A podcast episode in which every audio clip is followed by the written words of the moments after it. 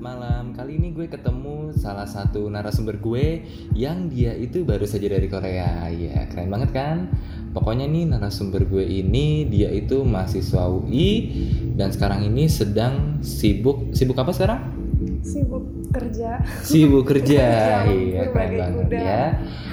Oke, kenalin saja langsung Akila Mazi. Iya. Halo Akila, apa kabar? Baik, baik, alhamdulillah. Alhamdulillah ya. Gue penasaran nih, boleh ceritain gak sih kira-kira karena konteks podcast kita presentasi ya. Hmm. Pertama gue pengen tahu nih perjalanan lu hingga akhirnya lu bisa ikut mata kuliah presentasi di Korea Selatan kemarin. Oh ya, jadi eh, gue percaya sama satu sayings yang ngomong gini tentang anak exchange. Jangan sampai jalan-jalan, eh jangan sampai kuliah mengganggu main lo di sana. Oke. Jadi gue waktu itu mikir untuk ngambil mata kuliah yang lebih praktikal dibanding mata kuliah-mata kuliah yang kayaknya bakal ngerepotin gue nih dengan begitu banyak tugas-tugas menulis misalnya. Bikin esai lah, bikin laporan lah, bikin penelitian. Terus gue coba scrolling scrolling ada salah satu mata kuliah di departemen bahasa Inggris yang judulnya itu menarik banget. Agak lebay sih judulnya Becoming a Great Orator Kami a great orator, wow. Aduh. Gimana tuh? kayaknya ekspektasinya tinggi banget kan ya, becoming Yeah. a great orator terus gue coba baca silabusnya tujuannya memang pada dasarnya sih ya membuat orang uh, bisa delivering speech uh, secara terstruktur ya dan gimana eh ya dan skills itu belum tentu dimiliki sama semua orang terus salah satu DNA gue pergi ke Korea adalah untuk um, apa ya break my boundaries. Eh, Jadi- sebelumnya DNA itu apa? Uh, DNA itu apa ya? Uh, some- kalau gue menjelaskan DNA itu kayak uh, tujuan utama, Tujuan utama kayak Hmm. goals ya, goals primary ya. goals. Oke. primary values ya kayak value-nya gue pergi ke Korea itu Hmm, adalah oke. untuk break my boundaries. Iya. Jadi gue pengen overcoming my limits. Nah, salah satunya udah dengan dengan pergi merantau ke negara yang jauh banget buat anak yang sebelumnya nggak pernah keluar rumah ini itu aja menurut gue udah break my boundaries gitu. Jadi gue akan menurunkan ini ke setiap uh, kegiatan-kegiatan dan rencana gue di sana. Salah Wow, satunya adalah. Uh, ngambil kelas Becoming a Great Orator atau public speaking yang sebelumnya itu gue pikir bukan gue banget. Karena menurut gue, gue adalah orang yang sangat pemalu. Kalau misalnya ada front stage dan backstage, gue akan selalu ada di backstage. Gue akan support-support aja, tapi please jangan suruh gue tampil Hmm, iya. iya. tapi menurut gue gue akan butuh kemampuan tampil sooner or later Oke. jadi daripada terlambat ya nggak apa-apa lah gue coba aja sekarang gue ambil tuh kelas becoming a great orator pas gue pertama kali masuk oh ya gue cerita dulu kayak mungkin dulu presentasi gue kayak apa gitu ya Wah, boleh boleh boleh. Gimana nih jadi presentasi sebenarnya nggak di Indonesia itu kan nggak pernah ada yang benar-benar ngajarin kita presentasi nggak sih Iya, sepakat lah. ya kan kita juga punya eh, mata kuliah presentasi ilmiah ya penulisan dan presentasi ilmiah Penulisan, ya betul, penulisan presentasi ilmiah. tapi kita nggak pernah dikasih tahu kan cara presentasi yang baik dan benar gimana iya sih, lebih ke penulisan ilmiah ya Iya, jatuhnya lebih ke justru. penulisan ilmiah presentasinya ya terserah lo deh gitu. Iya. ya itu later lah terserah nah jadi selama ini gue dan mungkin sebagian besar teman-teman gue juga presentasi ya gitu-gitu aja per di apa le- lebih banyak ngelihat ke screen ngasih tahu apa yang udah ada di sana padahal kan bukan itu ya poinnya presentasi ya Iya, betul. harusnya kan ya poin-poinnya kita elaborasiin gimana tapi kita masih punya kesulitan buat ngasih kayak delivering benang merahnya gitu di- dari presentasi Oke. itu nah terus presentasi gue ya general aja mungkin yang punya kesempatan buat eh, apa namanya bisa presentasi yang bagus mungkin yang kayak udah udah sering ikut PKM apa Hmm. segala macam tapi kalau yang biasa-biasa aja kayak gue kuliah pulang kuliah pulang mah ya gitu-gitu aja presentasinya Oke. nah terus ya gue selama ini presentasi awalnya ya untuk memenuhi kewajiban gue sama dosen-dosen gue akan mengambil nilai dari presentasi-presentasi gue Yap. tujuan gue cuma itu presentasi dapat nilai Oke. tapi setelah eh, tapi akhirnya gue ambil eh, kelas itu eh, terus gue coba jadi ada masa add and dropnya Mm-mm. gue add terus di kelas per, gue dikasih dua minggu Hmm. jadi dua kali pertemuan Oke. Rasain sense-nya pertemuan ketiga udah nggak bisa add and drop lagi. Oke, kayak di UI ya berarti. ya kayak di UI di minggu pertama dosennya ada gue ingat mungkin ada sekitar 15-an orang lah di situ. 15. 20 lah 20 lumayan lumayan banyak. Lumayan rame. Terus dosennya bilang dia nampilin presentasi apa PowerPoint. Dia bilang if you uh, the objective of this class uh, if you were quiet we are going to make you talkative. Hmm, oke. and if you were shy we are going to make you confident. Jadi kelas ini akan berfokus on you. Nggak ke kontennya. Konten mungkin ada tapi kita akan lebih ke lo sebagai speaker gitu. Oke. nah terus mereka min eh, mereka. Terus dosen gue minta untuk semua anak-anak di sana ngenalin diri di depan kelas. Eh, terserah dengan cara apa misterius kah dengan cara yang sangat bahagia kah atau apalah. Pakai PPT tuh atau enggak pakai apa karena itu kelas pertama jadi ya ya udah kasih apa jelasin aja. Oke.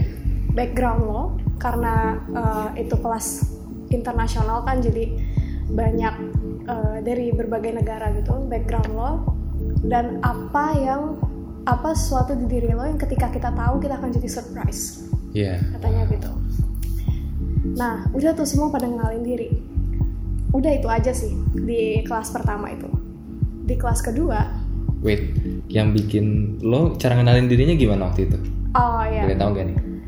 gue bilang gini eh, karena gue mencoba untuk jadi gue bilang gue Akila I'm Akila I came I, I'm Akila and I'm Indonesian karena gue bosen ngomong Indonesia itu maybe you know Bali Oh, oke. gue bilang gue bilang if you had no idea about my country currently we are holding Asian Games Uh, terus terus mereka kayak oke. ah, oke got it got it." terus padahal padahal salahnya adalah nggak semua di kelas itu adalah orang Asia Oh, oke.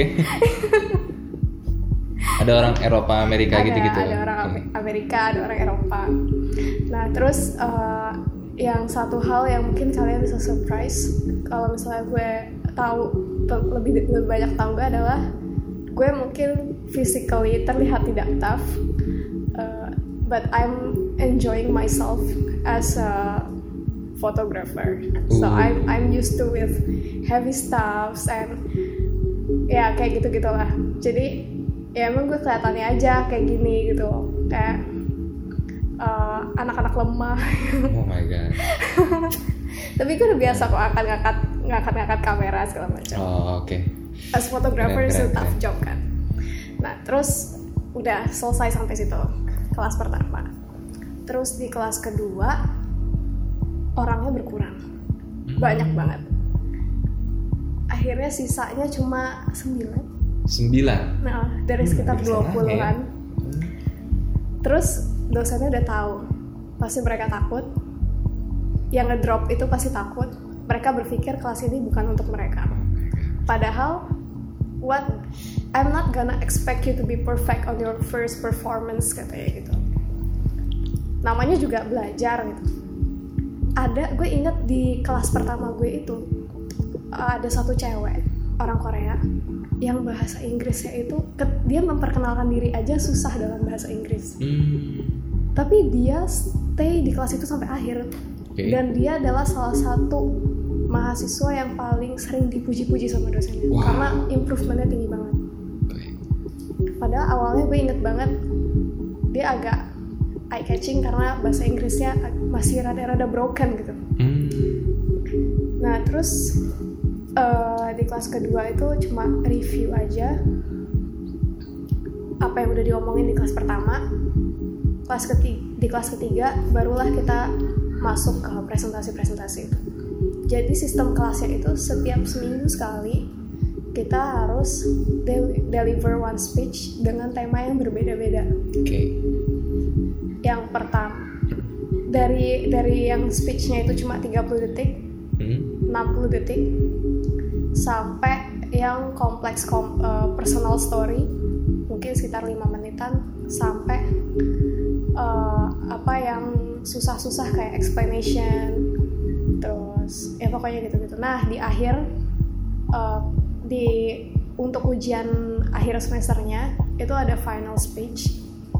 Yang final speech itu kita disuruh milih satu genre presentasi yang kita paling suka yang udah dipelajarin sebelum-sebelumnya dan mengaplikasikan semua uh, yang udah pernah kita pelajari. Jadi kita tuh belajar gesture, belajar uh, apa namanya enunciation, naik turun, Oh, oke. uh, apa kayak apa sih namanya? Intonasi. Intonasi, ya benar. Terus uh, belajar nge-crafting uh, script juga. Apa namanya? Yang uh, pakai teori hamburger itu atau bukan? Iya, pretty much sih. Pretty much. Iya, Oke. ha. ya, ha, pretty much. Jadi ada yang mereka sebut priming gitu ya. Jadi, wow, anjing. Sorry ya, ada anjing sedikit. Iya. Pengen speech juga anjingnya kayaknya. Gimana? Ya terus uh, jadi uh, sistemnya sistem belajarnya itu kita speech seminggu sekali. Kita akan direkam, ada GoPro di depan profesornya. Oke. Nanti setelah selesai kelas, profesornya itu akan ngupload video kita di satu website namanya Canvas. Nah, di uh, kita bakal dikasih pertanyaan-pertanyaan sama dosennya itu. Hmm. kayak misalnya uh, dan pertanyaan-pertanyaan itu beda-beda di masing-masing di masing-masing tema speech. Misalnya kayak uh, explanation speech. Nanti uh, pertanyaannya menurut kamu gimana? Tadi uh, topik kamu udah lumayan relevan nggak buat audiens gitu Oke, itu berarti buat self evaluation Ya, jatuhnya. uh, tapi pertanyaan-pertanyaannya akan di custom sesuai dengan tema speech-nya. Hmm, Sebenarnya. oke. Sorry ini anjingnya lagi presentasi dulu. Kita pas dulu kali ya. Iya. Oke, kita lanjut lagi ke podcast ya karena anjingnya udah selesai menggonggong nih. Iya. Gimana tadi yang soal feedback boleh dilanjutin lagi kira-kira? Oh iya, jadi eh, tujuannya biar eh, kita bisa lihat pas eh, perkembangan kita dari awal presentasi sampai akhir semester. Oke. Eh, tapi yang menurut ya yang berubah mungkin banyak ya sejak gue ambil kelas itu karena gue jadi belajar gimana caranya presentasi yang eh, mengalir Hmm, jadi nggak nggak perbagian-perbagian gitu loh. Oke. Eh, karena kan kalau misalnya kita di di kampus itu disuruh presentasi soal bab nih satu bab kita akan presentasiin itu berbagian kita tuh nggak nggak punya link nggak bisa ngelink itu dari satu bagian ke bagian lain Oke. nah eh, gue belajar cara ngelinknya dengan tepat nah terus eh, abis itu gue eh, perspektif gue soal presentasi dan public speaking itu juga berubah jadi menurut dosennya dan buku yang sangat dia agung-agungkan Hmm. sebagai referensi kami Ted, Ted. belajar Buku TED. ya bukunya Chris Anderson Chris Anderson. itu bilang eh, lo itu presentasi atau public speaking untuk give something to the audience bukan untuk eh, dari titik A terus lo sampai ke titik B.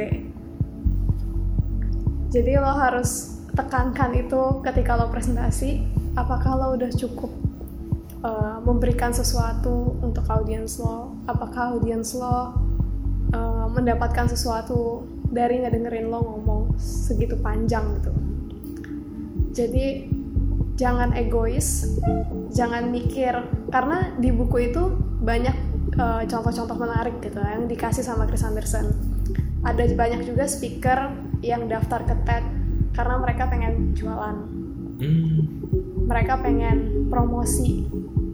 Misalnya mereka konsultan mereka pengen jual bisnis mereka gitu. Oh, okay. mereka scientist. Mereka pengen ngasih tahu penemuannya tuh ini tapi bukan uh, untuk tapi for the sake of money lah. Oke. okay. Jadi jangan pikirin itu dulu. Pikirin apakah audiens dapat sesuatu dari uh, speech lo. Kalau nanti ternyata lo dapet fun kah buat NGO lo gitu. Ya itu ya alhamdulillah nanti tapi. Yeah. yang penting orang tahu dulu what matters the most for you and what's in it for them. Gitu. Okay. Keren keren keren jadi sebenarnya buat lo semua yang mau tahu gimana sih kira-kira pembelajaran Akilani di Korea sana, lo mungkin bisa cek bukunya TED ya dari Chris Anderson. Iya. Itu gue juga sekilas sudah baca, bukunya emang menarik, yaitu intinya kisahnya Chris Anderson sendiri di TED mm -hmm. dan segala macamnya, ya keren lah pokoknya jika cerita gitu ya. Nah mungkin ini kira-kira setelah lo kuliah di sana, terus nih pas kalau misalnya lo ngelihat diri lo lagi yang dulu nih, kira-kira hal-hal apa aja sih yang bakal lo nasehatin ke diri lo yang dulu nih? Soal uh, presentasi? ah ya mungkin itu ya yang tadi gue udah bilang presentasi lah untuk memberikan sesuatu ke audiens lo gitu. Audiens ya. Ya jadi selama ini gue presentasi ya buat mencapai titik selesai gitu. Pokoknya gue mau hmm, cepet-cepet deh ngomong gue cepet-cepet biar biar selesai deh selesai. Gue nggak gue nggak kuat berdiri lama-lama depan orang banyak gitu. Iya. Yeah. dan gue masih work on it sih sampai sekarang. Kadang gue masih suka lupa uh, dan ke bawah ngomongnya cepet-cepet. Itu jadi salah satu kritiknya dosen gue juga di beberapa presentasi. Oh, oke. Okay. slow down katanya gitu. Slow down. You slow down. Jangan jangan mikir lo di sini buat selesai gitu ini ada orang di depan lo meskipun cuma delapan kan kelasnya kecil banget waktu itu yeah. tapi pastiin mereka bisa relate sama apa yang lo sampaikan gitu. Oke. Okay. Lo sendiri kira-kira setelah ikut course di sana ya, hmm. berani gak lo buka kursus public speaking di Indonesia nih? Hmm. Atau mungkin kepikiran lah some, someday main, main kepikiran, bikin. Kepikiran banget. Pikiran uh, banget ya. Pikiran banget. Cuma uh, rasanya gue sendiri belum ada di titik untuk bisa uh, ngetutor orang ya. Kalau misalnya nyediain modul gue mau deh. Oh oke. Okay. Nyediain modul gue mau crafting modul ya. Crafting Karena modul. menurut gue uh, modul yang kemarin gue pakai di Korea itu perfect banget. Hampir semua uh, teman-teman gue di kelas itu kalau misalnya mereka niat gitu ya punya willing to change mereka bisa berubah ngikutin modul itu hmm. mereka bisa improve yeah, yeah. banyak banget kalau crafting modul oke okay, tapi yang latih orang lain oh, karena okay. gue sendiri gue yeah. rasanya gue masih punya banyak hal untuk dikoreksi dan masih belum banyak panggung lah, eh, belum banyak portfolio lah buat okay. ini. Mungkin cetak. Waduh, gue belum. Mau melatih orang Waduh, ini. belum berpengalaman saya nih masalahnya nih. Oh, iya, cuma bisa bikin podcast aja saya nih, sama wawancara orang-orang yang udah ahli. Nah, terus nih kalau misalnya lu nantinya udah bisa lah ngelatih nih ya, lu tuh pengen ngelatih siapa nih kira-kira? Tiga orang aja deh yang pengen lu latih gue pernah punya teman di Korea. Boleh uh, sebut nama? Boleh boleh. Namanya Rani. Rani. Jadi okay. dia sama-sama dari UI. Kita berangkat exchange bareng okay. dari uh, ke universitas yang sama. Dia ngambil kelas malah lebih lebih keren nih, lebih cocok nih buat ini nih. Nama kelasnya itu Presenting in English. Presenting in English. Ya, uh, tapi referensi book kita beda uh, apa namanya dia pakai bukan bukan pakai TEDx jadi kayaknya dia lebih konten ya lebih crafting konten okay. dibanding tapi delivering juga juga perlu gitu Iya. perlu banget dan dia belajar juga soal delivering waktu itu jadi eh, dia sering dapat tugas untuk ngerekam untuk eh, intensitas presentasi public speaking sih emang lebih banyak di kelas gue dibanding di kelas dia dia lebih banyak belajar soal teori tapi sekali-sekali dia dapat tugas eh, untuk ngerekam dirinya sendiri presentasi Oke. dan harus punya audiens. Jadi karena uh, kita waktu itu terbatas banget temennya, Mhm. jadi dia akan minta teman-teman Indonesianya untuk uh, nontonin dia lah, Oh, sok-sok nontonin oke. dia. Kita tuh sampai bete dia berulang-ulang, diulang-ulang lagi uh, take-nya gitu. Di mana Terus tuh nontonnya? Kita kan coba untuk kasih feedback juga ya ke si Rani ini. Iya. Ran, uh, mungkin coba lo gini Ran, coba gitu Ran. Misalnya kita ngomong, Ran, lo tuh ngomongin soal tips belajar, tapi lo sendiri nggak semangat gitu. Jadi gimana ya Ran ya? Kita jadi tidak terinspired nih gitu. Oh Terus uh, kita sampai bacain skripnya, Ran coba bacanya kayak gini. I have some unique study tips atau apa gitu. Iya. kayak ya ini put put so much energy on your presentation Ran gitu. Oke. Jadi kita jadi ikutan semangat gitu. Jadi kita mau ngikutin tips-tips lon. Oh, Tapi baik. udah berulang-ulang kali di take sampai berhari-hari loh. Nggak nggak cuma sehari. Misalnya sehari 10 take, besok ada 10 take lagi, besok 10 take lagi. Setiap hari tuh 10 tag, 10 tag, 10 tag. Waduh. Banyak banget pokoknya take-nya waktu itu. Dan intonasinya berubah, tapi mukanya enggak. Oh, Oke. Jadi ekspresinya tetap datar. Wah. Jadi ekspresinya tetap datar, tapi intonasinya berubah tapi jadi nggak match gitu. Gimana ya? Hmm. Mungkin Ya, Rani bener. cocok bikin Sister podcast Rani nih nih. kayaknya. Aduh. Rani dengerin nih Akila nih mau ngasih something ya buat lo presentasi. Nah yang kedua kira-kira siapa nih? Selain Siapa Rani. ya?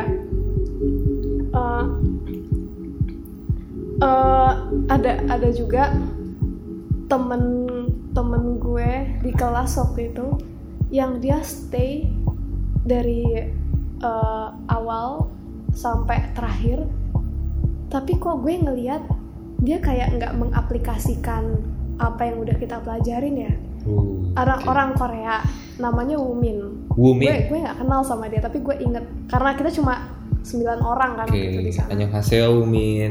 hanya kasih Wumin Ya. nah ap- gue mikir apa karena dia udah mahasiswa tingkat akhir jadi dia nggak peduli Oh, gitu oke. tapi sayang aja karena kelas ini bagus banget menurut gue Dia berarti udah agak tua ya mahasiswa tingkat akhir sana. Mm-mm, mungkin 24 25 jangan 24 25. Ah. Oke. Eh, misalnya gini, kita itu kan diajarin untuk membuka secara spektakuler. Ya. Jadi jangan buka dengan good morning. My name is kayak biasa banget. Oh, oke.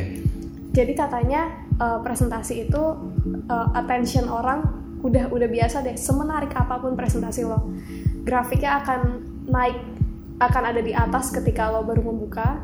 Terus dia turun banget di tengah-tengah bagian isi, terus naik lagi ketika lo closing. Jadi Iya. di disarankan banget untuk membuka dan menutup dengan spektakuler gitu. Bahasanya TED tuh kalau nggak salah kayak gitu. Oke. buku TED itu. Tapi dari awal sampai akhir kok ya dia tetap membuka dengan good morning ya? Hmm, semangat pagi berarti nih si temen lu nih. kayak good morning. I'm going to share you about that's so that's so me in the back kayak that's so me in the past maksudnya kayak Oke, the some in the back ada di punggung berarti. ya Oke, that's gitu. that's so me in the past kayak Ya. sayang kalau misalnya udah masuk kelas ini and you spend almost four months or more than four months kalau nggak improve gitu jadi Hmm, iya, jadi iya. suka gemes biarin deh eh, isinya berantakan tapi at least cobalah untuk membuka dengan bertanya gitu misalnya kayak menarik perhatian audiens gitu kayak since you guys are da da da da, have you ever been to atau apa gitu Oh, oke. have you ever experienced things atau apa gitu Oke. Ketiga siapa nih kira-kira? siapa ya diri gue sendiri Oh, apa nih mati diri sendiri? Kan ngapain? Diri sendiri sudah terlatih di Korea. siapa ya? Belum pikiran sih. Uh, Donald Trump. Donald Trump. Why why why Donald Trump? Kan uh, jadi ini ini uh, dosen gue sih yang ngomong. Jadi waktu itu dia uh, pernah uh, menyinggung soal topik uh, topik di explanation atau apa gitu ya yang apa namanya yang sensitif dan tidak seharusnya diangkat yang tidak sensitif eh, yang sensitif oh, dan yang tidak sensitif. seharusnya diangkat oh, oke okay. kayak misalnya uh, rasisme oh. terus agama pokoknya pokoknya uh, apa namanya dia bilang gini Donald Trump itu selalu ngomongin tiga hal ini justru yang nggak seharusnya diangkat dalam speech. Oh, berarti emang dalam speech itu ada aturan jangan ngangkat topik-topik tertentu gitu? Iya, sebaiknya kayak gitu. Oh, apa Coba aja deh cek lagi, gue lupa. Oke. Okay. Ya mungkin ya sebenarnya general aja sih. Oh iya. General aja, kayak misalnya nggak menyinggung ras, hmm. terus nggak nggak apa ya meng mengunderestimate satu kelompok gender yeah. kayak gitu-gitu sih tapi Donald Trump itu selalu menyinggung hal-hal ini gitu oh, makanya selalu kontroversial terus dosen gue ngomong gini wow he should definitely take my class gitu oh my god oke okay.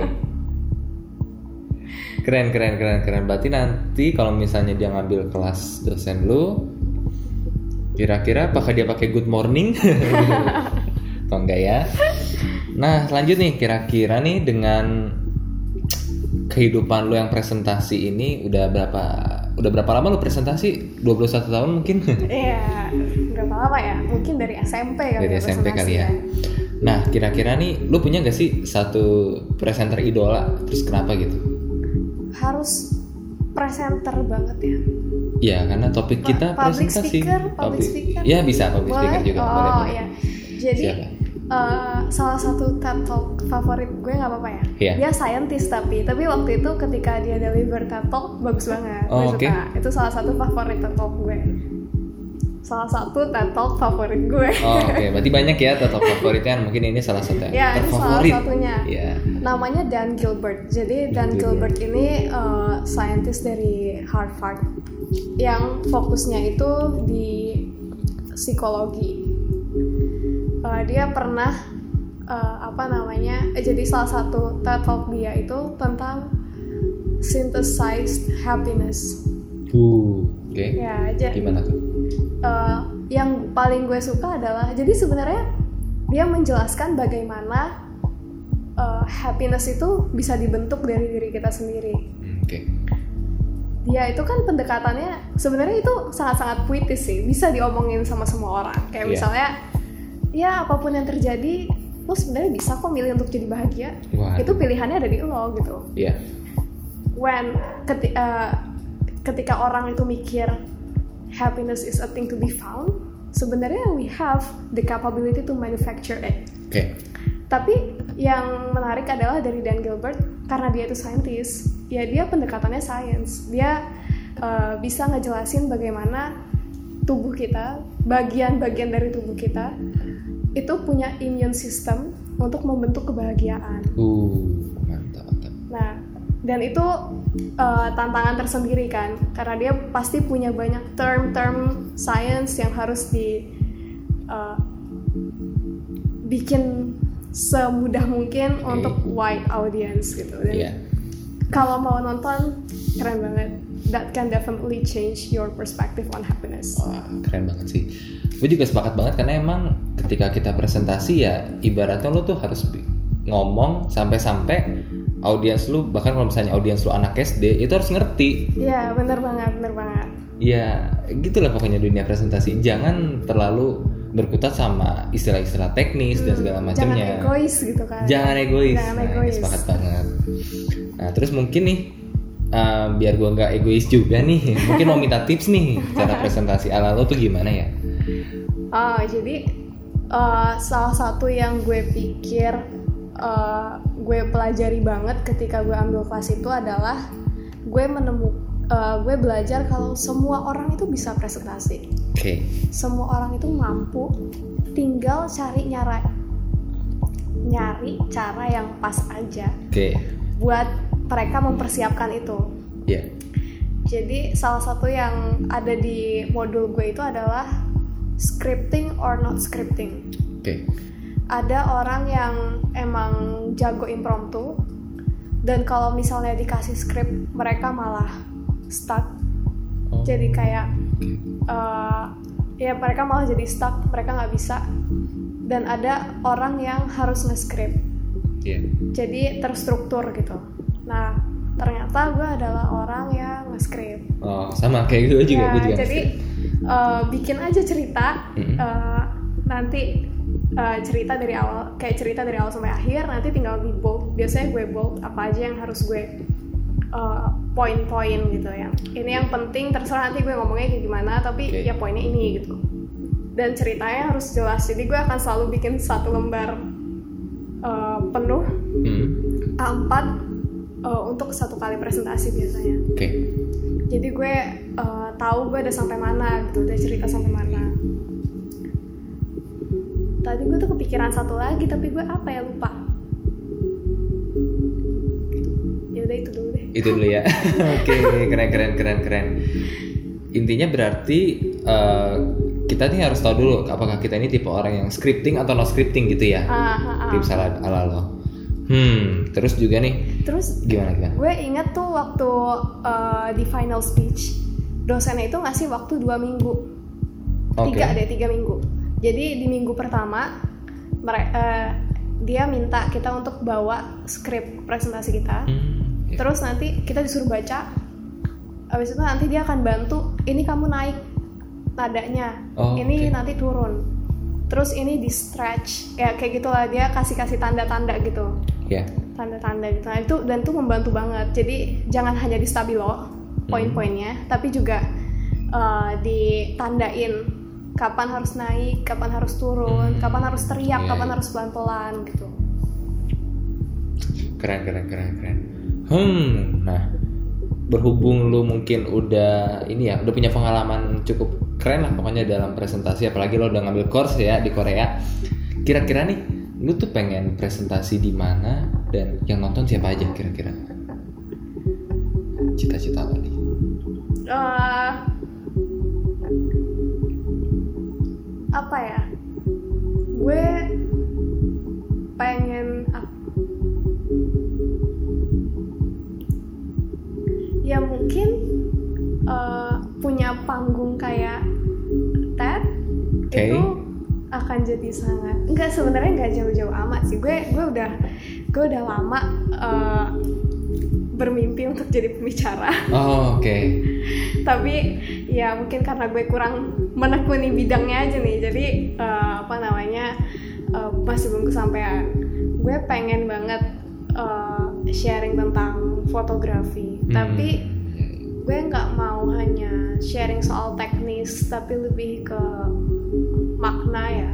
Oke. lebih ke how is this gonna change your life atau uh, gimana sih fotografi itu berpengaruh bisa berpengaruh buat society atau something Hmm, iya. ya mungkin audiensnya ya segmented banget ya jadinya jadi orang-orang yang tertarik sama fotografi Oke. Tapi lo mungkin bisa nggak pakai istilah-istilah teknis supaya makin wide audience. oh iya iya iya mantap gitu ya. mantap mantap mantap Nah, hmm sebenarnya mungkin anak-anak BEM atau anak-anak himpunan silakan undang Akila biar proker kalian nggak ada yang kosong nih. Gua kasih tahu aja dari sekarang ya. Hmm. Nah tadi kan mungkin hal-hal yang lo tuh mau presentasi di mana dan ditonton. Oh ya tadi mau ditonton siapa kira-kira? Em, ditonton sama eh, ya sama ya mungkin sampai sekarang gue mikirnya orang-orang yang tahu eh, meaningnya fotografi ya Oh, Oke. lebih dari sekedar foto gitu jadi gue pengen karena sampai sekarang gue gue suka berpikir untuk jadi fotografer tapi bisnis ini udah sangat saturated Iya. semua orang bisa melakukan ini. Jadi menurut gue, gue hanya akan bisa survive kalau gue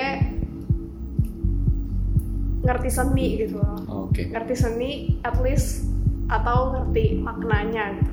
Oh iya. Jadi bukan hanya fotografi buat cari duit, cari project, tapi juga gimana orang bisa mengapresiasi sebuah foto Sebuah foto, iya, benar. keren keren keren terus nih em, ini pertanyaan agak tricky ya lu itu kira-kira gak mau presentasi di mana dan gak mau ditonton sama siapa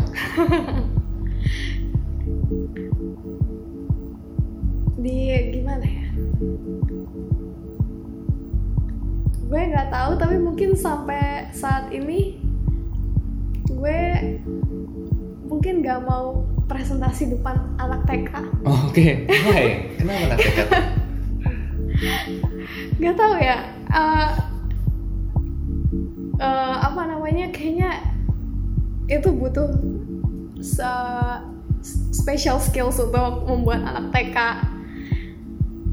memahami lo. Oke memahami ya jadi ya kan harus memikirkan gimana segampang mungkin orang tuh ngerti. Dan kayaknya anak TK kan sangat challenging. Betul betul. Gue waktu itu pernah dengar ceritanya Mas Jaja. Mas Jaja oh ya iya. Mas Jaja eh, salah satu dosen lah ya pokoknya. salah satu dosen kita di kom. Di aplikasi dia itu pernah disuruh presentasi di depan anak TK tentang produk yang lagi dia kerjain waktu itu. Hmm, Milk oke. kita iya terus salah satu anak TK-nya itu nanya gini Om gimana cara masukin permennya ke TV waduh. Aduh waduh. Pusing tuh. Gimana ya deh wah saya juga pusing nih langsung Iya, nih. gimana tuh? Aduh, aduh, aduh, aduh, aduh. Apalagi sekarang ya gimana cara masukin permen ke YouTube? Gitu. ya ya benar lebih Lebih sosmed iya, pusing nih. lebih complicated lagi tuh. Diketet lagi ya. Menarik menarik ya alasannya. Nah mungkin berhubung kita dari tadi ngomong presentasi, kalau misalnya gue ngomong, gue bilang nih kata presentasi yang ada di pikiran lo apa? Eh, eh, apa ya giving something to your audience Giving something to your audience. Uh, it used to be very scary tapi uh, sekarang sih udah nggak terlalu ya Oke, udah nggak terlalu. Gue udah lumayan mau take challenge untuk presentasi. Kalau dulu mungkin gue akan menolak. Kayak misalnya gue akan menghindari sebisa mungkin. Gak gak gak deh lo aja deh lo aja gitu. Kalau Hmm, bisa iya, iya. jangan gue deh jangan gue. Tapi kalau misalnya nanti gue akan disuruh karena di kerjaan gue sekarang juga kadang gue suka ditolong presentasi. Oke. gue nggak bisa nolak juga ya menarik menarik menarik hmm nah mungkin yang terakhir nih ada gak sih kira-kira pesan dan kesan nih buat orang-orang yang selama ini ngajarin lu cara presentasi yang baik dan benar oh eh, sebenarnya yang pernah ngajarin presentasi cuma dosen gue itu aja di Korea oh, cuma satu aja Iya. gimana pesan dan kesannya Wah, dia emang keren banget sih. Eh, orangnya lucu. Eh, jadi kita enjoy ada di kelas dia. Eh, apa namanya? eh, orangnya engaging banget. Eh, kayaknya emang dia sangat passionate ajar ya. oke Terus eh, ketika dia nulis feedback, dia juga sangat supportive. Terus sangat eh, konstruktif Mm-mm. dan eh, dia tuh selalu bilang I'm here to help you. Oh. Jadi jangan eh, jangan malu untuk nanya, jangan malu untuk konsul gitu. Karena Oke. eh, ini gue passionate banget sama bidang ini. Jadi gue pengen orang-orang tahu betapa pentingnya public speaking skill itu katanya gitu. oh, oke Kemarin gue abis email dia lagi. gimana gue bilang "Eh, kemarin gue apply kerja dan eh, interviewernya minta gue untuk presentasi setelah eh, beberapa hari gue dikasih tahu ternyata gue diterima. Hmm. dan ketika gue ditanya eh, ketika gue nanya kenapa ya kok saya yang diterima? Oh iya soalnya presentasi kamu bagus. Jadi gue Uh, kayak nulis thank you note gitu buat eh, dosen gue. Terus nice nice. dia bilang katanya "Eh, oh ya Akilo congratulations ya gitu. Aku inget banget dulu ketika kamu pertama kali presentasi but you are improving so much because eh, kamu memberikan diri kamu space untuk berkembang katanya gitu oh my god uh keren keren keren keren Tepuk tangan dulu dong. Profesor Max I love you so much Profesor Max. ya namanya Max Dia Korea? Korea tuh? Eh, orang California Oh, oh, Ya. oke. California, mantap, mantap, mantap. Hmm, sampai sa- sampai sekarang setahu gue emang dia public speaking mentor gitu loh jadi nggak hanya ngajar di kampus gue dulu kampus gue di Korea tapi juga eh, suka diundang untuk mentoring public speaking gitu Iya. Ada rencana mungkin dia ke Indonesia, Profesor Max? mau ini ya mau ngisi podcast boleh, boleh, boleh, boleh. Isi podcast ya. Isi podcast boleh. Keren, semoga keren. semoga Profesor Max bisa dapat ini deh dapat panggung di TED gila Amin, gue suka banget sama amin, amin. pemikiran dia terhadap public speaking soalnya Oh dia emang belum masuk TED ya? oh ya belum lah kenapa dek Oke, sekian dari presentasi tadi. Terima kasih banget buat Akila yang udah nyempetin waktunya dan segala macamnya. Semoga podcast ini bermanfaat untuk kalian semua, khususnya buat Rani ini tadi nih yang pengen Ya, bikin presentasi ya. ya. Jangan dilupain tuh pelajarannya Ran udah Ah, balik lagi ke Indonesia kan soalnya sekarang Sip, sip, sip. Yuk, bye bye.